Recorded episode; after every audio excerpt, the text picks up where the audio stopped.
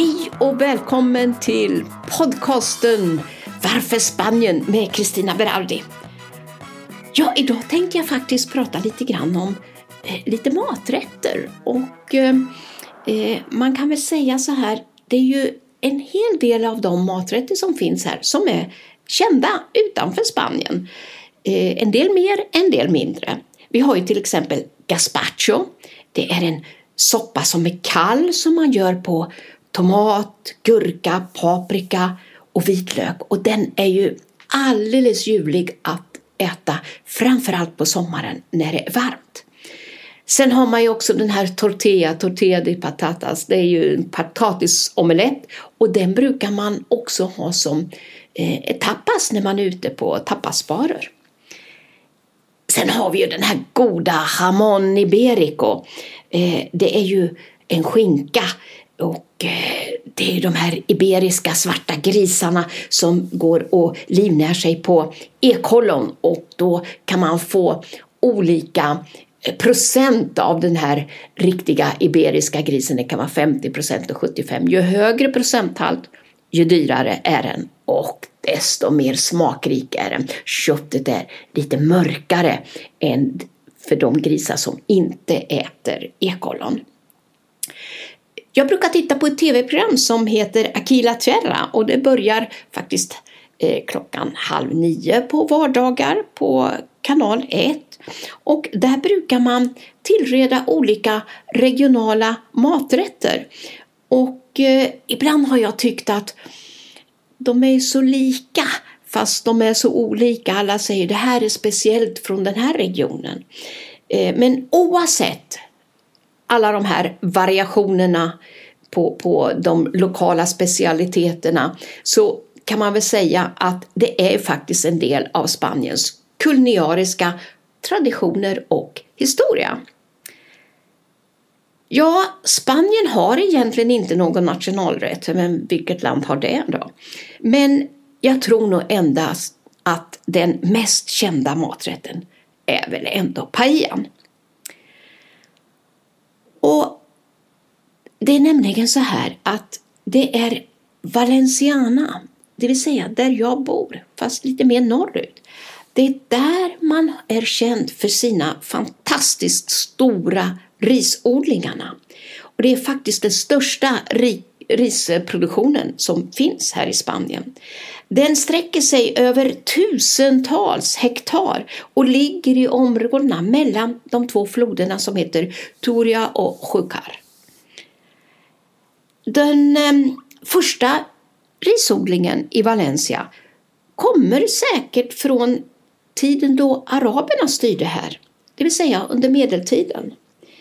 Och man började odla ris för att kunna ersätta vetet eller vara ett alternativ till vetet kan vi säga.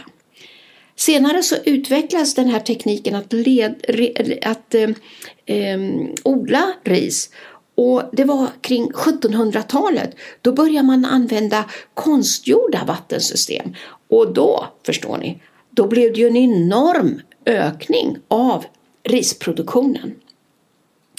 Det är ett alldeles speciellt ris som odlas här och det kallas bomba eller kalasparra.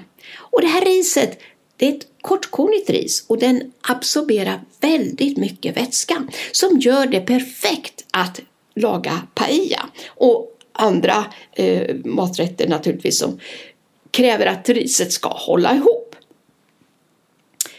Risodlingarna i Valencia det har faktiskt en annan viktig roll också. Det är ju för ekonomin och kulturen i regionen. Och varje år så firas det en eh, festival tillägnad riset som kallas Fiesta de la Sega. Det kan man översätta med skördefest. Och den festen den är ju till för att hedra eh, de här gamla traditionerna och det arbete som krävs för att odla riset. Riset är ju också en eh, ekologisk hållbar eh, gröda. Och det används ju i många lokala eh, rätter. Det är faktiskt så att de risodlingarna som finns här, det är de största i världen utanför Sydostasien.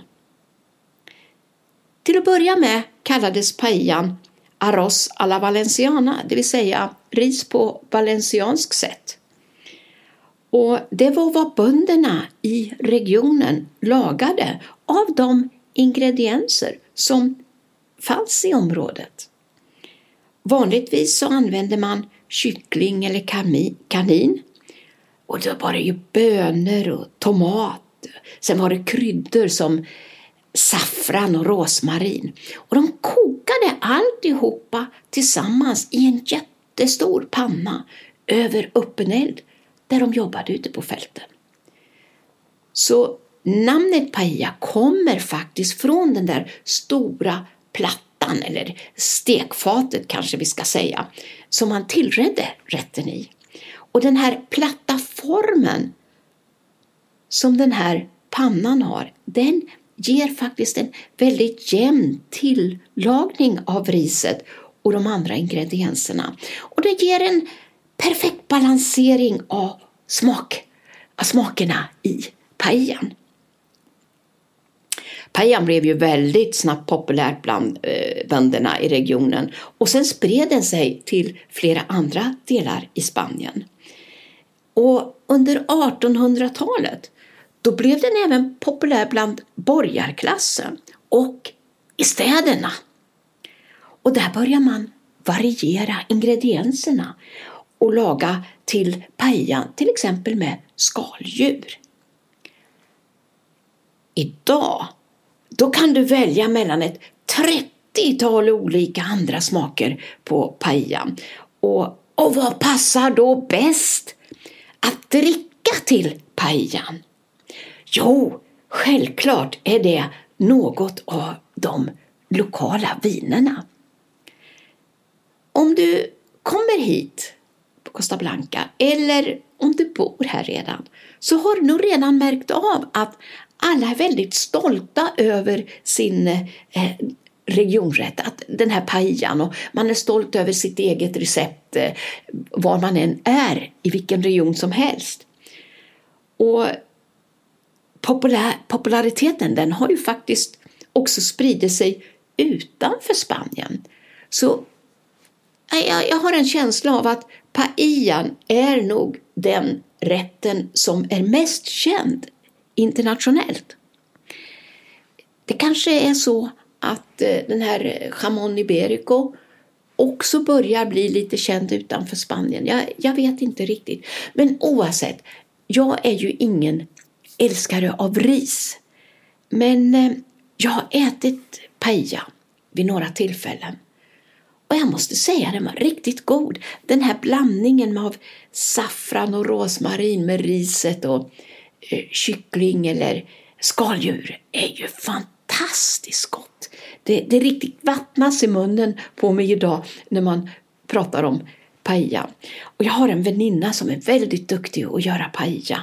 Jag har faktiskt flera vänner som är duktiga på det och jag är så imponerad för den är så himla god. Och jag vet inte Eh, hur den skulle smaka om man tar ett vanligt ris. För den här riset som, som man har här, den här bomba, den, den, den är nog en speciell smak med sig då. Och det kanske är det som gör att paellan blir så otroligt saftig och ja, ljuvligt. Det som jag sa, det vattnas riktigt i munnen. Kära lyssnare, det var allting från mig och Spanien idag och eh, glöm nu inte att beställa en paella lokalt där du befinner dig för att avnjuta alla dessa fantastiska smaker. Ha det bra, hej då!